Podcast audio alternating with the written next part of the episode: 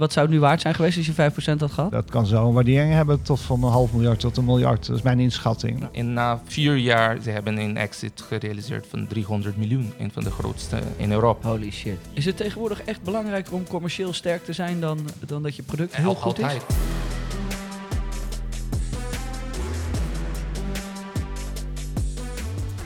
Mannen. Welkom beiden. Ja, ja, nou, kom maar. Kom maar Willem, we zijn begonnen. Welkom in Cape Town. Ja, we zijn Good er. morning Cape Good Town. morning. Een hele goede morgen. Eh, Willem Middelkoop, Kouwen. Een hele, eh, ja, toch wel goede morgen. Want eh. Willem, ehm, jij was vannacht wat laat, hè? Ja, nou ja, we hadden, we hadden een klein borreltje. En voor het wist was het twee uur. En ik had een JBL'tje meegenomen. Dat vind ik altijd wel leuk als ik op reis ga. En ik dacht, er staat wel een DJ-set. Want eh, alles is goed geregeld. Maar nee, die DJ-set ontbrak. Dus we hebben het met de JBL moeten doen. En jij was goed aan het DJ'en. Ja, ik, ik ben dol op eh, muziek. En ik draai sinds ehm, 1980, letterlijk. En toen hadden we een studentensociëteit. En eh, daar stond een DJ-set al toen. Ehm, dat was vrij uitzonderlijk. En we gingen altijd, elke week gingen wij 12-inch records halen. Van de nieuwe releases, eh, Soul Disco. Ik ben altijd gek geweest van Soul Disco. Ik heb een paar jaar geleden nog Ferry Maat over laten komen uit Bonaire... om mijn, eh, wat was het, 57e verjaardag eh, feestje te laten vieren. En uit- maar uiteindelijk werd het ook een beetje een soort van grimmige after. Jullie gingen echt lekker. Dat ik dacht, ik moet nu naar bed. ja, maar ik heb genoeg al vier, vijf uur slapen, Ja. dus ik kon door. Ja, en Willem ging door het geluid. Dat ik dacht, Ja, maar- heel veel respect Ja, heb hij heeft twee, twee keer zo lang geslapen. Ja, ja, Ja, ja, ja. ik ben een grote nerd. Dus ik ging meteen naar bed. Maar jij hebt vanavond ook iets, iets groots te lanceren. Daar gaan we het zo meteen even over hebben. Eh, voor de mensen die jullie niet kennen, dat eh, doe ik altijd even. Eh, als je jezelf zou mogen voorstellen, Willem, ho- hoe doe je dat tegenwoordig? Ja, het is wel eens moeilijk. Nou ja, ik zeg, ik ben fund manager, maar dat klinkt altijd heel vaag. Ik heb eigen beleggingsfonds, Commodity Discovery Fund. Ehm, in 2008 heb ik eigenlijk twee bedrijven opgericht. Ik was heel erg bang voor een naderende crisis, 2004, 2005, 2006. Heel veel onderzoek gedaan naar eh, economic cycles, financial cycles, eh, mania's, panics en crashes, beurscrashes. En ik, ik voelde we in de bubbel leefde. En toen ben ik heel erg na gaan denken. Ik was toen journalist. Ik was eigenlijk, eh, werkte bij RTL Z. En toen dacht ik van, wat wil ik nou gaan doen als die crisis komt? En toen was ik al vrij snel achter dat, je, dat mensen weer terug zouden vluchten naar goud en zilver. Goud en zilver waren zo unloved. En dat werd gezien als iets oud en van vroeger. En de banken verkochten dat niet meer. Maar ik had heel sterk gevoel dat mensen terug zouden gaan vluchten. Toen heb ik twee bedrijven opgezet. Eén, een webshop waarbij je goud en zilver kan kopen. En een ander, een beleggingsfonds waarbij je eigenlijk investeert in bedrijven die goud en zilver in de grond aan het zoeken en ontdekken zijn. En dat is heel kort eh, mijn verhaal. Ik heb wat boeken geschreven. En een succesvolle boek ook. Een hoop mensen zijn eh, opgegroeid met jouw boek als het gaat om eh, de financiële wereld. Ja, als Ik- de dollar valt, is het bekendste boek. Ja, eh, 50.000 keer verkocht? Ja, 17e druk. Dus dat Holy is, eh, shit. ja. Dat is serieus. En daarna de Big Reset in 2014. eh, The War on Gold en The Financial Endgame. Dat is eigenlijk een opvolger. En die is nu in zeven talen vertaald. En waaronder Chinees en Arabisch en Portugees. En daar ben ik eigenlijk wel een beetje trots op. Dus eigenlijk hoef je helemaal niet meer te investeren in allemaal eh, dingen. Jij bent toch, het is gewoon boeken verkopen? Nee, mensen denken altijd dat je rijk wordt van boeken verkopen. Maar dan moet je echt in een groter land zitten. Dit blijft. Ik, ik zeg altijd, ik kan er van op vakantie gaan. Ik kan er altijd leuk van op vakantie gaan. Maar ik verdien mijn geld met, met toch trading, investing en uh, nou, that kind of shit. That kind of shit. Here we go, Cowen. Ja, Cohen van Ovek. eh, ik, ik ben zelf een eh, start-up founder eh, mijn hele leven, voor, de laatste 18 jaar.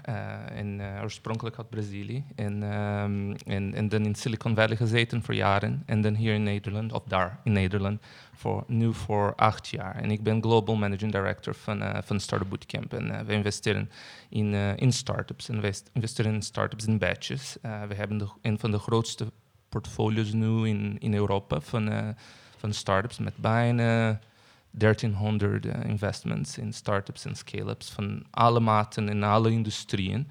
Uh, en het, het wordt alleen maar een leukere verhaal, een leukere avontuur elke jaar. Want elke jaar het is iets nieuws en super, super exciting times. Wauw, dus je investeert in startups.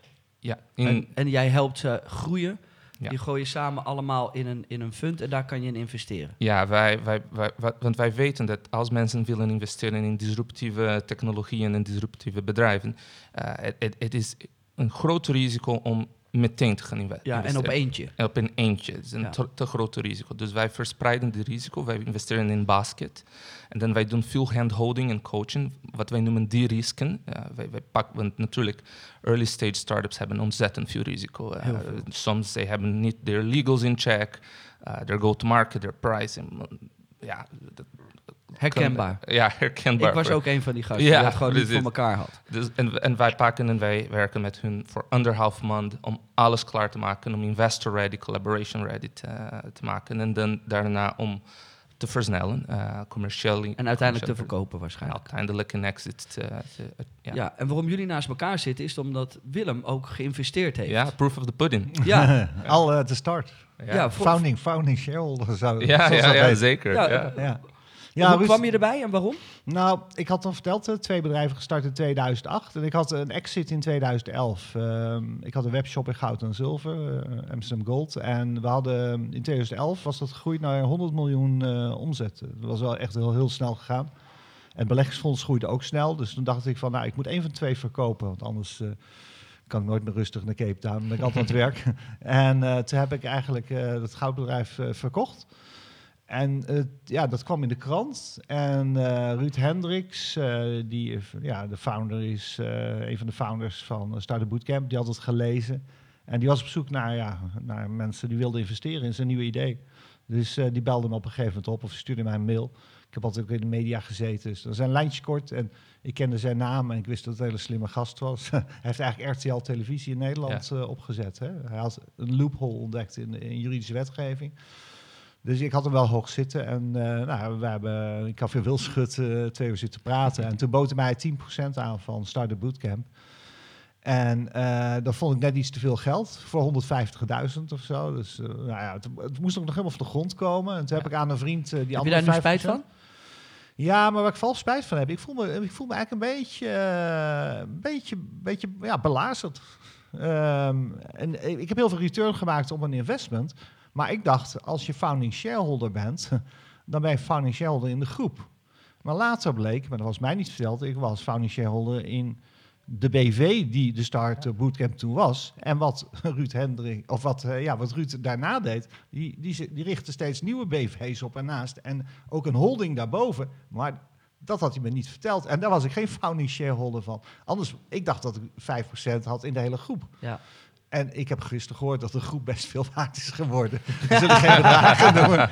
En eh, je hoeft geen medelijden met me te hebben, maar ik dacht wel, wow, next time eh, I, ca- I call a lawyer and eh, ja. we make another contract. Want wat zou, het, wat zou het nu waard zijn geweest als je 5% had gehad? Nou, ik denk, ik schat in, als je ziet hoe groot Startup Bootcamp is, als je dat nu naar de, naar de beurs zou brengen, dat kan zo een waardering hebben tot van een half miljard tot een miljard. Dat is mijn inschatting. Nou ja, 5% daarvan. eh, serious money. Ja, ik zou zo, ik zou, ik zou zo niet... maar ik ben niet eh, boos op jou, hè, want wij, wij hebben elkaar Wij- veel later wij- ontmoet. ja, En, en, en ik- ik vind het van Ruud, vond ik het niet netjes. En eh, nou ja, goed, misschien goed dat dat nu on, on the record ook is. Ik ga hem niet op zijn bek slaan, dat is niet mijn stijl. Maar, maar goed, vind- iemand in. maar dat is wat... eh, Oké. Maar, ik, maar dat is even, dat is een beetje de negatieve kant van het verhaal. Goeie, de goede kant van het verhaal. Ik wilde meedoen. Ik wist dat de kans heel groot was dat ik zelfs mijn geld zou verliezen. Dus ik deed niet mee voor financial reasons. Ik deed mee omdat ik de start-up wereld niet kende. Die kwam toen net op. Ik begreep die wereld niet. Ik heb zelf een beleggingsfonds. Wij investeren in kleine startende bedrijven, maar dan in de grondstoffensector. En ik wil die wereld leren kennen. En soms moet je gewoon wat leergeld eh, bereid zijn te betalen. En ik heb tien jaar lang niks aan die investment gehad. eh, no return, no dividends. En toen opeens kwam aan eerst de dividendbetaling. Toen was ik eigenlijk, eh, had een investering terugverdiend. En daarna hadden we dit jaar een hele grote exit. Een gedeeltelijk exit van SandCloud. En dat verhaal moet jij maar vertellen. Want dat, dat, ik vind dat een mind-boggling verhaal. En, en dat laat zien waarom het interessant is voor een belegger... om gespreid in start-ups te zitten. Gespreid in zo'n mandje. Ja. Wij doen dat als beleggingsfonds ook. Je kiest de 50 of 80 beste bedrijven uit. En dan, dan kan je heel veel risico aan per Ja. bedrijf, per investering. Ja, want SandCloud was een van de bedrijven in zo'n mandje en die heeft buitengewoon goed gepresteerd. Ja, bijna een unicorn nu. En, Ja. Ja. en, en Giga heeft eh, investment van, eh, van Softbank gekregen. En dat, en dat is het ding, weet je. Als, als- jij investeert in, in heel early stage bedrijven, jij weet gewoon niet wie gaat de, de winnaar worden. Jij kan, Nee. natuurlijk, we hebben... Zag je deze wel aankomen? Had deze zoveel potentie? Ja, wij, wij, wij, wij- wij hebben dat wel gezien in, in het programma. Ik denk Willem ook. eh, en veel van de investeerders. Maar zelfs, zelfs. Want als je praat over disruptieve modellen, dat is het ding. Jij weet nooit wie de volgende Uber gaat worden. Nee. Want je- eh, die, die dingen worden alleen de standard way of doing things Ja. in, in drie tot vier tot vijf jaar. Dus als wij kijken, als wij hebben een terugblik, wij wisten niet wat de volgende Uber kon zijn. Er, Nee. waren, er waren honderden van Ubers. Eh, dus eh, de meest verstandig ding te doen is eigenlijk te verspreiden. En natuurlijk, jij ziet wie, wel wie de champion zijn, maar ook jij zit in perspectief met anderen. En dan kun jij een eh, slimme beslissing maken. Ik, ik had in 2011 niet het idee dat SandCloud het allerbeste verhaal was. Want ik heb, ik heb toen bij alle pitches gezeten. Ik denk dat het voor jouw Ja. tijd was. En eh, ik vond een aantal verhalen eh, vond ik nog beter klinken. En ehm, ik heb het eigenlijk ook, dat is mijn, mijn fout. maar goed, ik, ik focus natuurlijk op mijn eigen wereld hè, van, van natural resources, grondstoffen, commodities. Wat ik eigenlijk had moeten doen, is natuurlijk veel closer al die investeringen volgen. Maar goed, dat, liet ik aan, eh, aan de operators over. En, en dan had ik natuurlijk mee kunnen doen aan de round A en de round B. Want ja, ik was als shareholder. ja, want de round wel 1 een en de round B zijn de, de, de, de rondes van het geld die ze daarna gaan ophalen. Ja, ja. En dat verstevigt je positie in het bedrijf. Ja, dit Ja. was seed capital. ja, want die, die start-ups om te kunnen groeien, Ja, zij moeten growth capital gaan, eh, gaan krijgen. ja Eh, ze om- hebben geld nodig om te groeien. Precies, want Ja. zij kunnen niet groei, eh, in- groei realiseren met cashflow. Dat, dat, dat kan niet. Nee. Dus elke keer dat zij moeten een leapfrog doen, ze moeten echt springen, zij moeten eh, eh, Een injectie een hebben. injectie hebben van kapitaal. Eh, en daar, want, want wij investeren zo early, zo, zo vroeg in hun proces. eh, wij kunnen ook participeren in de volgende rounds. En, en wij hebben ook die, die rights om, om, om, om eigenlijk ehm, Te- Dat te Ja, kunnen- om dat kunnen had doen. gewoon 8%. 8% van SandCloud. En dat is iets verwaterd tot onder de 5% Ja, eh, zoiets, vorig jaar bij de exit. Maar goed, je hebt dus 5%. Iets wat een unicorn aan het wo- eh, worden is. En we hebben een gedeeltelijke exit gehad. We zijn er voor een deel ingebleven. Omdat we zien Ja. dat... Ja, dit, dit zou echt, SandCloud zou echt een beursgang mee kunnen maken met Zeker. een waardering van 1 miljard of hoger. Dus we zitten er gelukkig nog steeds in voor eh, anderhalf of 2 procent. ja. ja. Wauw. En, ja, en, en dat is één voorbeeld, toch? Ja. En, eh, en, en, en, en als Hoeveel, hoeveel, hoeveel van dat soort bedrijven zitten er dan in zo'n mandje? Ehm, van, als je pakt in, ehm, een sample van 30, soms één of twee die worden dit groot. Eh, En dan er, eh, nog een derde die lukt niet gewoon. Eh, dus een soort kan- 25% valt wel af. ja, valt wel af. En dat is super gezond ook, want anders, ja...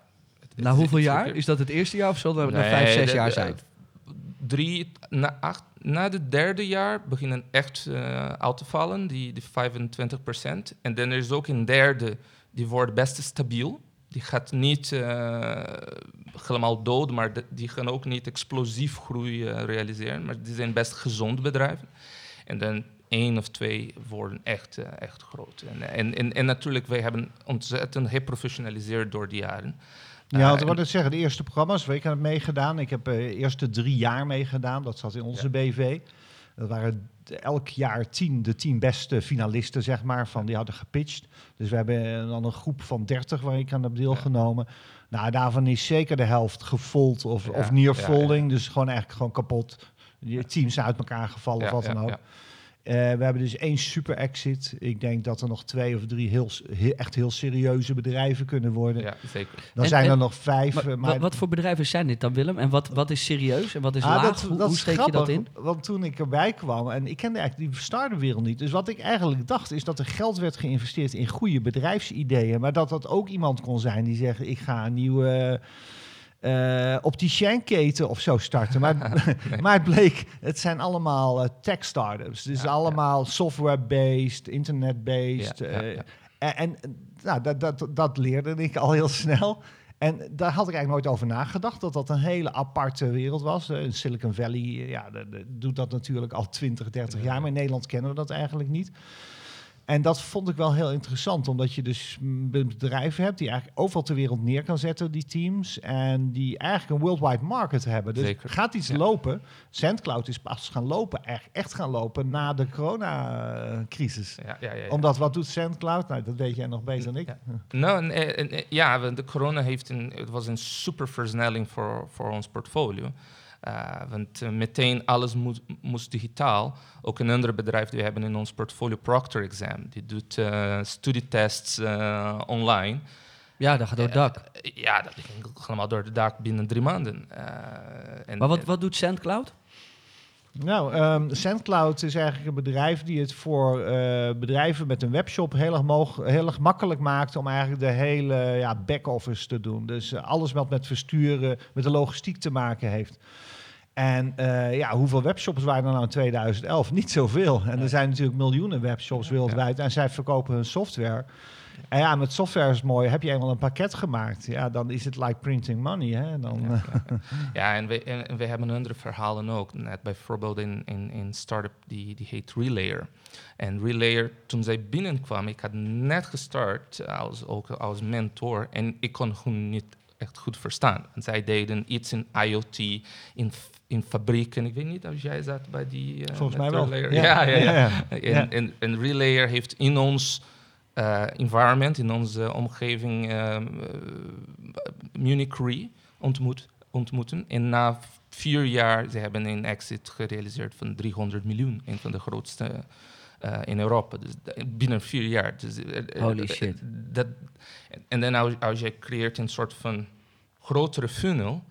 En, en ooit ook in, in, in, in, een manier om het tag-along investments te doen in de volgende rounds. Ja, dan praat je over een billion dollar asset class. Dat wordt b- beste Dat is serieus. Ja, dat, wordt, dat is echt serieus. ja. Waar, waar moet, waar moet zo'n zo'n goede eh, start-up aan voldoen? Wanneer kom je in zo'n mandje terecht? Wat moet, er, wat moet er zijn? Moet er gewoon een goed Great idee team. zijn? Great, Great team. team. Ja? That's the Begin- best. Ja, eh, the most important. Zeker, want, eh, want alle startups gaan pivoten, ze gaan veranderen. Eh, En dat is ook, zij moeten de markt volgen. Men- mensen die zijn te stubborn in, in wat zij willen doen, ze gaan niet overleven. Eh, ze moeten uiteindelijk willen winnen, echt winnen. Ik wil winnen. En, want wat zij doen gaat veranderen. De- Maar teams zijn zo Team, belangrijk ja. dat in Amerika En heb wat je zijn VC's. teams is gewoon een, een goed team een om groep, bouwen. groepen mensen bij Ja. elkaar die goed aan Die- één ja, idee kunnen ja. werken, de executie. Die geeft een goede achtergrond. En, en wij doen ook bij Startup Bootcamp personality profiles. Ja. Voordat mensen gaan eh, selecteren worden. Wij, wij maken echt persoonlijke analyses van elke eh, founder. Eh, om, om te weten dat ze kunnen met elkaar werken. Ze hebben de eh, obstination en, en alle ja, vaardigheden die, die je moet als persoon. Want alles, alles anders ga je leren. Eh, Maar in Silicon Valley zie je dat sommige teams zo op waarde worden geschat, dat echt er worden, er worden investeringen in teams gedaan voordat er een idee is. Ja. Voordat er een start-up is, Precies, voordat er een start-up idee is. Dus de- dat team vinden we dan zo goed. ja, Zeggen, daar gaan we een goed idee bij zoeken. Want die jongens hebben laten zien dat ze... Maar Ah. zo'n goed, zo'n goed team kan dus gewoon één bedrijf verkopen en daarna weer doorpakken. En, Ja, dat eh, zie je. en, en dat, gebeurt, en, en, en dat gebeurt vaak. Ja. Dat Serial, gebeurt vaak. Serial entrepreneurs. Ik Ja. ben zelf één. En, en er zijn ontzettend veel in, in, in, in, in Nederland ook. En die, die jij weet gewoon, die gaat wel lukken. Want Ja. ze hebben een netwerk, ze hebben de credibility van de markt. eh, De drive vooral. De drive, ja. Ze kennen al de roadmap, de goede en de slechte dingen van de roadmap. En jij hebt zelf hoeveel bedrijven verkocht? Eh, ik heb drie bedrijven verkocht. Eén aan de RTL, één aan de Brazilian Sovereign Fund eh, en één in Silicon Valley Foreign Fund. Maar ik heb andere 17 gestart. Eh, dus ik ken een beetje de, de hamster wheel heel goed. Eh, en eh, zeven jaar geleden, ik, ik ben een heel goede vriend met de jongens van eh, Y Combinator. Die hebben geïnvesteerd in Airbnb en Dropbox en Stripe. En toen, toen ik daar zat, ze, zei- ze zeiden, nou, jij moet echt naar Nederland gaan, want er zijn eh, een paar, een paar Nederlanders die, eh, die willen een soort van Y Combinator eh, opbouwen. Eigenlijk is hij gewoon de spion uit Silicon Valley die bij ons komt. eh. Ja, nee, nee, andersom. Want, want Oh. ik, ik, vind dat, eh, ik vind dat Nederland heeft een super potentie om, om, om de volgende Silicon Valley eh, te worden. Want er is kapitaal, er is ontzettend slimme mensen. eh, en is nog steeds een groene markt. Eh, want Ja. Silicon Valley is ontzettend saturated. Ehm, en, en, en, in Nederland er is er zoveel die, die wij kunnen doen met, eh, met investments die daar zijn, met de goede mensen. En, en, en, en, ja, en gewoon, en het is een markt dat is zo open voor, voor nieuwe technologieën en eh, een nieuwe manier van doen, van, of business te doen. Uh, en, ik denk wat wij hebben zo ver gedaan in de, in de, in de Bootcamp de laatste elf jaar, het is alleen maar een klein deel van, Klein eh, gedeelte. van, klein gedeelte van wat gaat komen in de komende tien jaar. Wanneer valt een, eh, een, een goede start-up op? Eh, ja, het is heel grappig, want wij zitten dus zelf in een... ehm, hè, ik zit in de wereld van de grondstoffen en daar volgen we eigenlijk 1500 start-ups. Dus we hebben een eh, soort funnel ook gemaakt. Eh, er zijn duizend beursgenoteerde kleine exploratiebedrijven in Canada die wij volgen. Er zijn er 400 in Australië. En eigenlijk doet Startup Bootcamp hetzelfde. En wanneer val je op? Want ik vind die karakteristieken inderdaad heel interessant. I- iedereen hoopt en, en, en belooft altijd de next big thing te zijn. Ja. Maar tussen ja, eh, droom en daden staat eh, de realiteit. Yes. En, en, maar wat je eigenlijk moet doen, en ik ben eigenlijk een scale-up investor geworden, en daar praten Ja. wij ook veel Ja. over. Ja. Want eh, natuurlijk, je hebt die start-ups nodig als pool, maar eigenlijk wat je moet doen, en dat vind ik het meest interessante bedrijfsmodel, is eigenlijk al die start-ups volgen met goede researchers. Gewoon elke maand eventjes kijken, of elk kwartaal even, hoe is de ontwikkeling. En dan bouw je een aantal early warning signs in van, hé, hey, er is wat aan de hand. Eh, de hockeystick, hè? opeens beginnen die sales toe te nemen, bijvoorbeeld door corona of iets anders.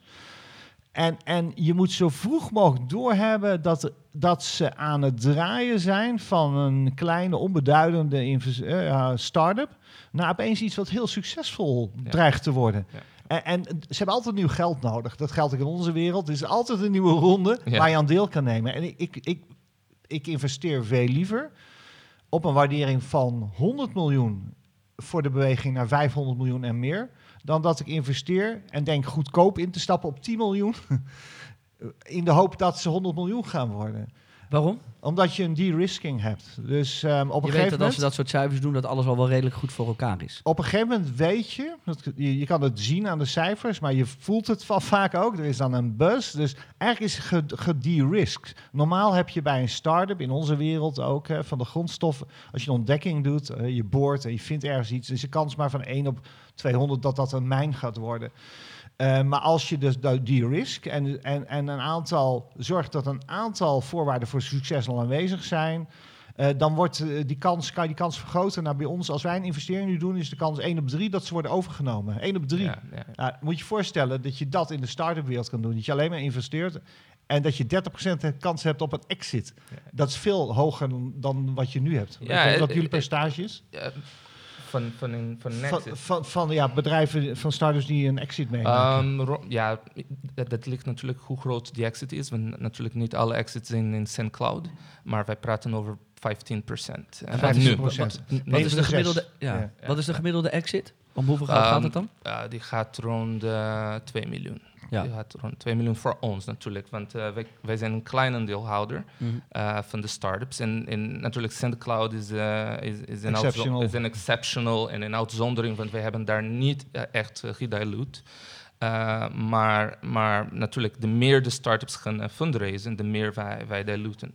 We hebben voor onze investeerders natuurlijk de preemptive rights en een anti-dilute. Die is niet echt populair met de startups, maar het is super belangrijk voor ons als, als investeerder, want wij willen niet Een anti-dilute is dat, het, dat als, als een start-up een nieuwe ronde uh, van, uh, van kapitaal krijgt, dat je percentage die, die ons percentage niet... Uh, dat je geen verwatering hebt, niet ja. ja.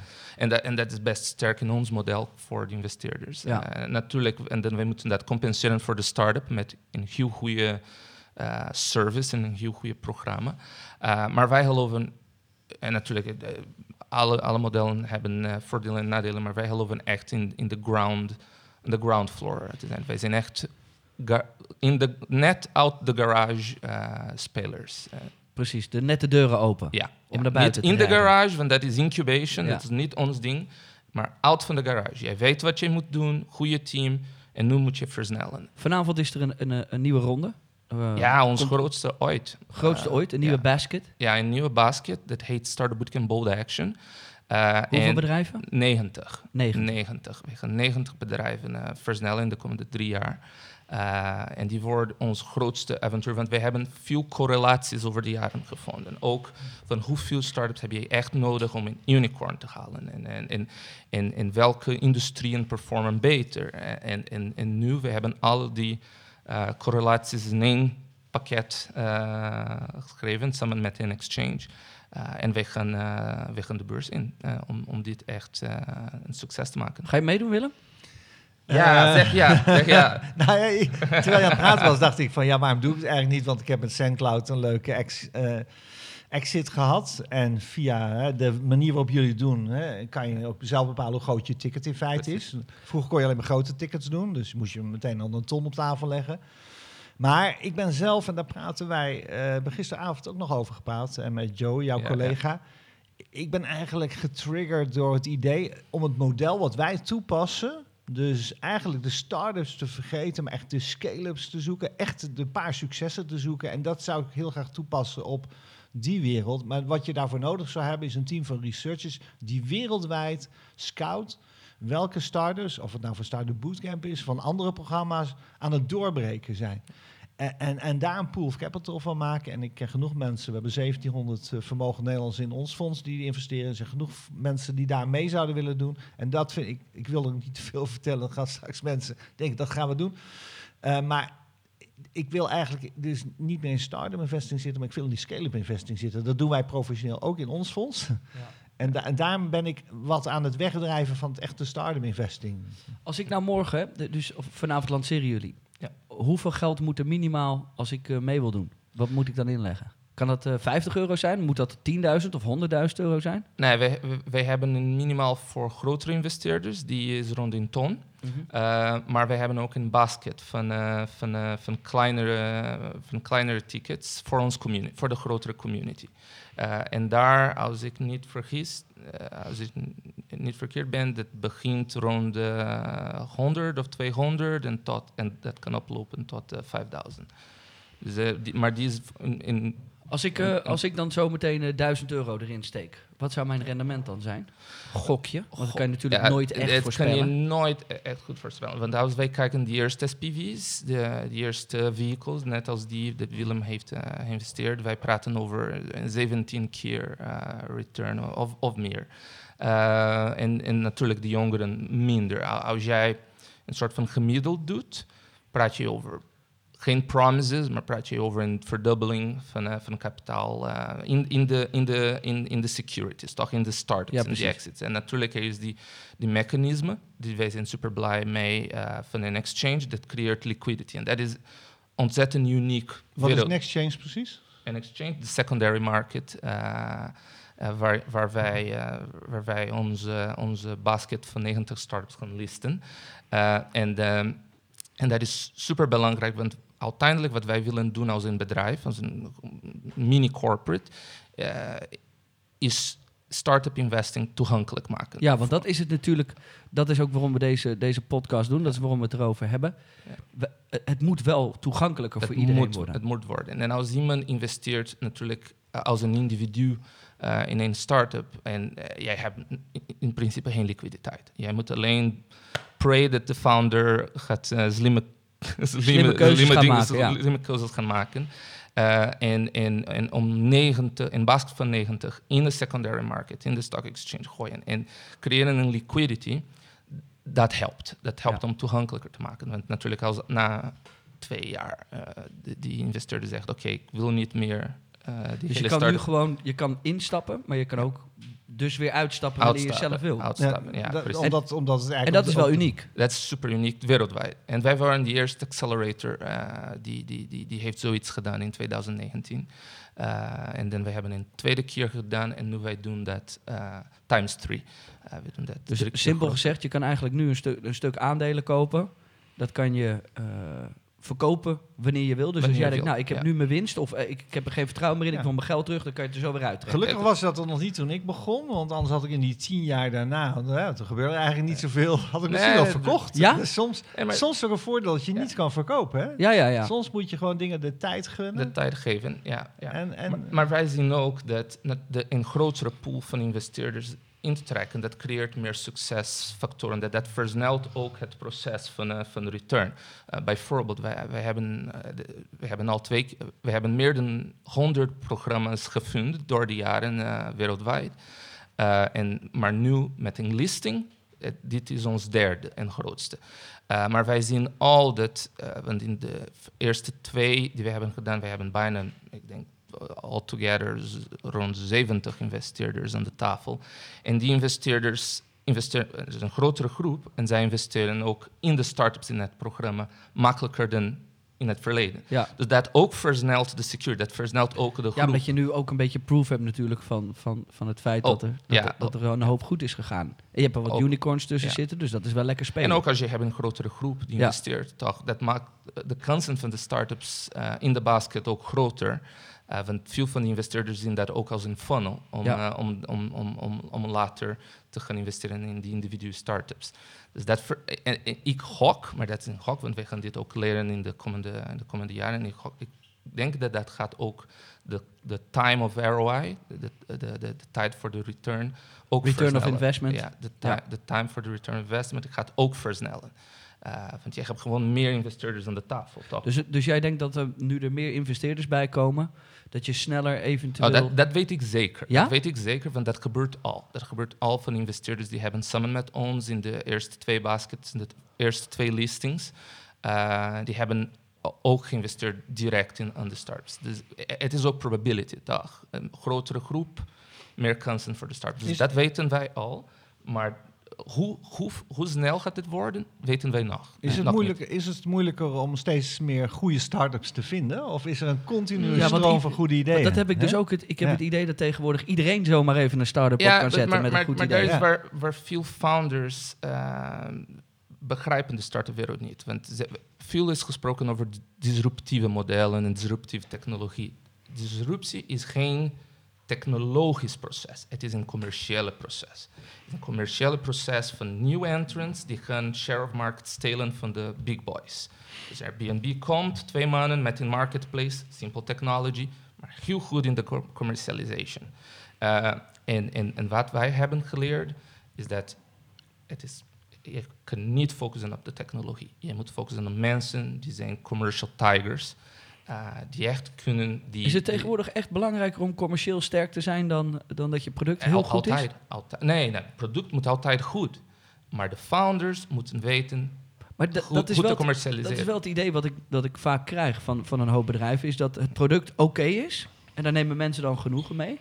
Maar, en commercieel wordt het eigenlijk sterker. Maar, maar daarom, daarom zijn ook de start-up bootcamps van deze wereld nodig. Want ja. je hebt heel veel goede developers de met een goed idee. Maar hoe ze het naar de markt moeten maar, brengen, precies, dat kunnen ze niet. En daar is ook als, geld voor nodig. En als je kijkt naar de grote, de grote players, de grote unicorns, uh, bijvoorbeeld een, een, case van, uh, van Silicon Valley, toch? Airbnb nu is 100 miljard waard en zij, zaten bij een, uh, bij een accelerator, bij Y, acht, negen jaar geleden. Dit kan ons, ons, ons het is een kwestie van tijd voordat het jullie ook gaat overkomen natuurlijk.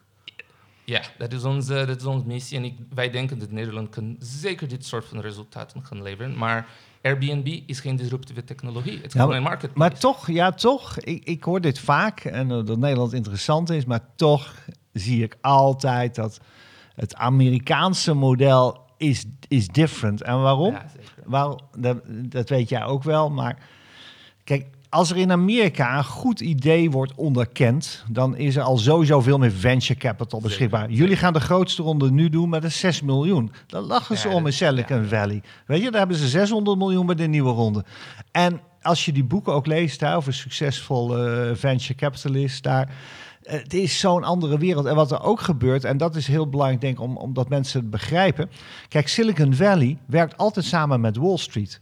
Dus het geld, het venture capital geld, komt eigenlijk niet van Wall Street. Hè. Dat komt gewoon van de slimme uh, venture het wordt in principe gewoon rondgepompt. Nou, wat, wat ze dan doen, is, en je hebt het heel erg kunnen ontdekken met Google en Apple, um, is er zit een goed team, er is een goed idee. En dan is er al heel veel geld in gepompt. Maar als dan zien die succes wordt, wordt er meteen honderden miljoenen ingepompt. Ja. Of misschien zelfs wel een miljard. En dat wordt samen met Wall Street gedaan. En dan, dan kunnen ze het zo snel uitrollen. Maar wat ze ook doen, is ze huren dan Eh, de founders die gaan daar eigenlijk uit. Ja, bij Google zijn ze er gebleven, Facebook zijn gebleven. Maar vaak worden professionele teams ingevlogen. Hè, die krijgen enorme stock options. En, en die gaan dan samenwerken met dat hele apparaat van Wall Street. Maar zelfs met de government. Want wat we nu hebben gezien, zeker. een belangrijk punt wat we helemaal niet hebben aangestipt. En dat is eigenlijk de risico's van de succesvolle start-ups. Wat we in Amerika hebben gezien is een nieuwe vorm van censorship. De big tech is gewoon aan het censureren wat wel en niet op een platform mag. Soms met een goed idee of goede reden, maar soms ook met een foute reden. Twitter, Facebook. Ja, en wat je nu ziet is dat heel veel van dat censorship lijkt voort te komen uit wat de Amerikaanse regering wil. Ja. En, en ehm, Zuckerberg heeft het ook toegegeven tijdens een hearing dat ze gewoon onderling overleg hebben, de Googles van deze wereld. Hoe gaan wij op het eh, punt van corona, hoe gaan wij gezamenlijk optreden? Waar gaan we op censoren? En dat vind ik een extreem gevaarlijke eh, ontwikkeling. En dat toont ook aan dat in Amerika, bij wijze van spreken, iedereen samenwerkt om daar een succes van te maken. Maar dat ook zelfs voor geopolitieke redenen op de beste manier uit te rollen. Zodat de Chinezen geen kans hebben, de Russen geen kans hebben. Ja, ja, en doen ja. de Chinezen en de Russen wel zoiets slims, dan gaan we dat verdacht maken. Wat we bij TikTok hebben gezien. En, en dat, dat vind ik een heel interessant onderwerp. Ja, maar eh, Het klinkt wel wat extreem, want wij hebben het... Ja, want wij hebben het Nee, in Nederland speelt dit allemaal niet. Daarom. Nee, en maar- wij kennen het niet. Nee. Maar gaat Ja. het hierdoor wel... eh, ja, er hoeven natuurlijk maar een paar van dat soort bedrijven hier ook vandaan te komen. Ja, Jij zegt en- dat het een eh, kwestie van tijd is. Nou, ik denk 90 het- bedrijven. Ik, ik denk het is een kwestie Zijn van ze tijd. allemaal Nederlands, toch, die 90 bedrijven? Nee, nee, nee. nee, nee, Nou, nee, nee. Booking.com, die komt niet uit onze koker. Hè? Ja, maar ja. maar dat, dat is gewoon natuurlijk een worldwide uh, Hoeveel succes. Nederlandse bedrijven zitten ertussen? Eh, ik denk rond de 15%. Oké. Want wij kijken niet... In de, de locatie waar wij zijn, en wij runnen programma's overal ter wereld, eh, Mhm. met ons HQ in, in Amsterdam. Maar wij zien wat heeft de lokale markt nodig en dan waar zijn de spelers die moeten naar Precies. dat markt komen. Ja. Dus wij willen kansen brengen naar Nederland en niet per se eh, eh, afhankelijk zijn van zijn er bedrijven. Ja. Maar ze zijn, Hier. al deze bedrijven gaan straks wel afhankelijk zijn van Nederland. Ja, die, zich, ze gaan dan in Nederland werken met een global, Precies. global- Ja. globale blik. Maar wat, wat, wat, ik zie van, eh, van Silicon Valley, dat is heel anders dan Nederland. En daarom denk ik 100% met volle hart dat Nederland gaat, eh, heeft zoveel kansen in, in dit gebied. Dat Silicon Valley heeft ook een dark side. Want geld daar is zo makkelijk. eh, daar komt die elevator pitch. Toch? Ik heb een idee, boom, cash. Eh, dat, dat creëert ook een immens, gigantisch eh, wave van delusion en Een wave van bullshit. een wave of, of bullshit van mensen die zeker gaan niet lukken, ideeën die zeker gaan niet werken en die krijgen kapitaal heel, heel makkelijk. Ja. Eh, en dat natuurlijk gaat niet lukken en dan ineens heb jij een wave van, van disillusion mensen. En wat ik vind Startup Bootcamp, maar niet alleen Startup Bootcamp, ook onze collega's in Nederland doen heel goed, is echt een duurzame ecosysteem te bouwen. Dus ja, niet iedereen gaat in SandCloud of, eh, of een Relayer worden. Maar je hebt een groot aantal die worden gewoon goede, solid bedrijven. Ja. Eh, En dat cureren jullie natuurlijk. en en dat En is maar wat, lekker. mag, mag ik je vraag stellen? Wat, wat is het moeilijkste in Nederland? Is dat de huisvesting voor de teams? Is dat eh, fiscaal? Wat, is nou, wat, wat zou er in Nederland moeten verbeteren? Eh, de, de, de, de, durfkapitaal ehm, kennis. Want veel, veel investeerders eh, Begrijpen het. begrijpen het niet. Ja. Eh, begrijpen het niet. Weet Nee. je, ik, ik zat twee weken geleden ook met een podcast met, eh, met wat Amerikanen. En ik probeerde uit te leggen wat het concept van durfkapitaal is. Ehm en zij konden het niet verstaan. Voor hun het was gewoon kapitaal. Kapitaal. Ja, Ja, niet dus durfkapitaal. eh, durfkapitaal. En, en het is ook een beetje van onze missie om, om dit meer naar voren te brengen. En, en, en ook ons model toegankelijker te maken. Om precies dat makkelijker te maken voor de, voor de, voor de gemiddelde investor. Dus zij hebben dan een goede ervaring misschien. En dan het wordt makkelijker voor hen. Maar Nou, venture capital is natuurlijk zo standaard eh, uitdruk in Amerika. En hier durfkapitaal moet je inderdaad gaan uitleggen gaan wat het is. uitleggen wat het, wat Terwijl elke Amerikaan... Maar, maar een Amerikaan zit natuurlijk ook standaard in aandelen. Hè? Een ja, Amerikaan... Dat Dit is, zitten we al in de DNA. ja, Dat- en, ook, en ook een Amerikaan is standaard eigenlijk een Maar dat, ondernemer. maar dat, is toch dat- ook wel, dat is ook wel redelijk logisch. Want in, in Amerika is het gewoon heel simpel. Als je niet voor jezelf zorgt, Juist. ja, dan, dan beëindig je Ja, het- gewoon op de straat. Juist. En hier in, in, of hier, we zijn nu in Zuid-Afrika, maar in Nederland hebben we natuurlijk een hoop vangnetten. we Waardoor hebben niet je, die spirit. ja, Ja, ja, en, ja. En, en dat creëert een ander soort mens. Ja. Die ook andere soorten eh, paden gaat bewandelen. Ja, en, en bijvoorbeeld... waar- Hebben wij het dan in Nederland te goed om zoiets te kunnen creëren? Ja, zeker, zeker. Want, eh, want er zijn ontzettend slimme mensen en heel goede infrastructuur. En Nederlanders zijn super open om nieuwe technologieën te, te, Omarmen. eh, omarmen.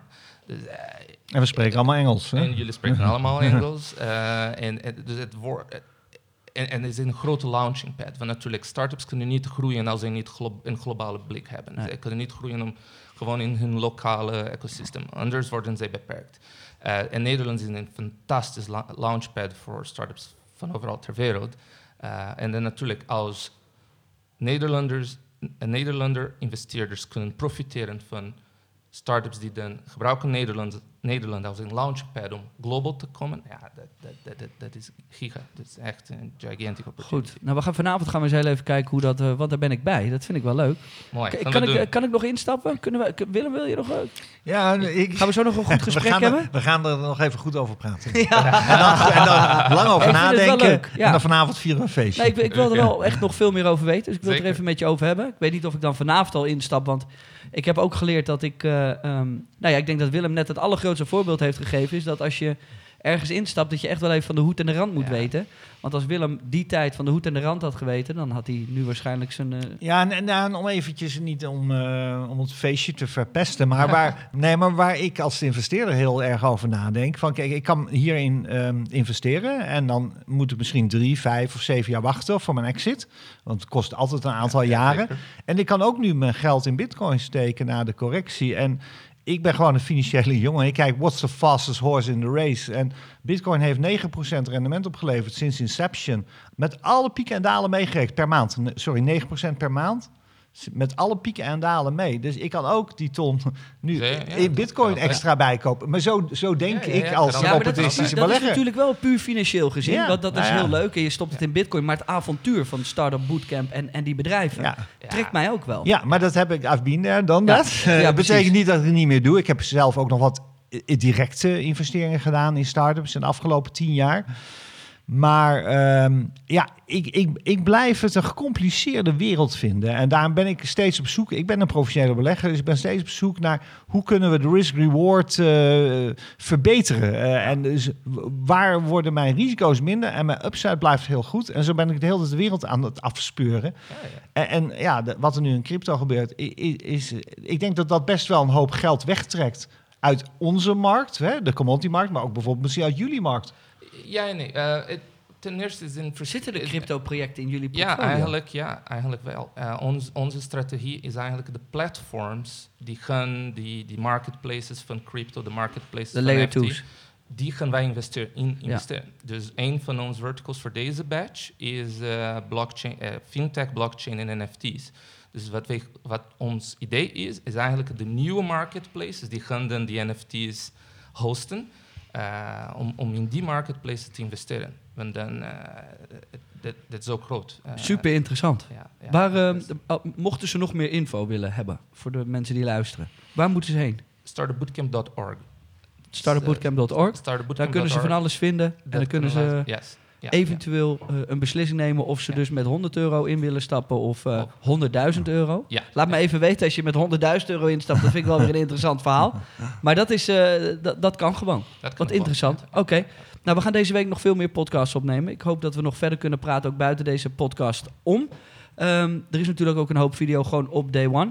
Eh dank jullie wel voor het luisteren. We hebben hiervoor ook een podcast opgenomen. Dat was gisteren. Ehm, die kan je ook nog heel even luisteren. Voor de rest wordt dit mogelijk gemaakt door Gold Republic en Exchange en Bondex. En natuurlijk Day One. Dames en heren, dank voor het luisteren. En eh, hopelijk zijn jullie er morgen weer.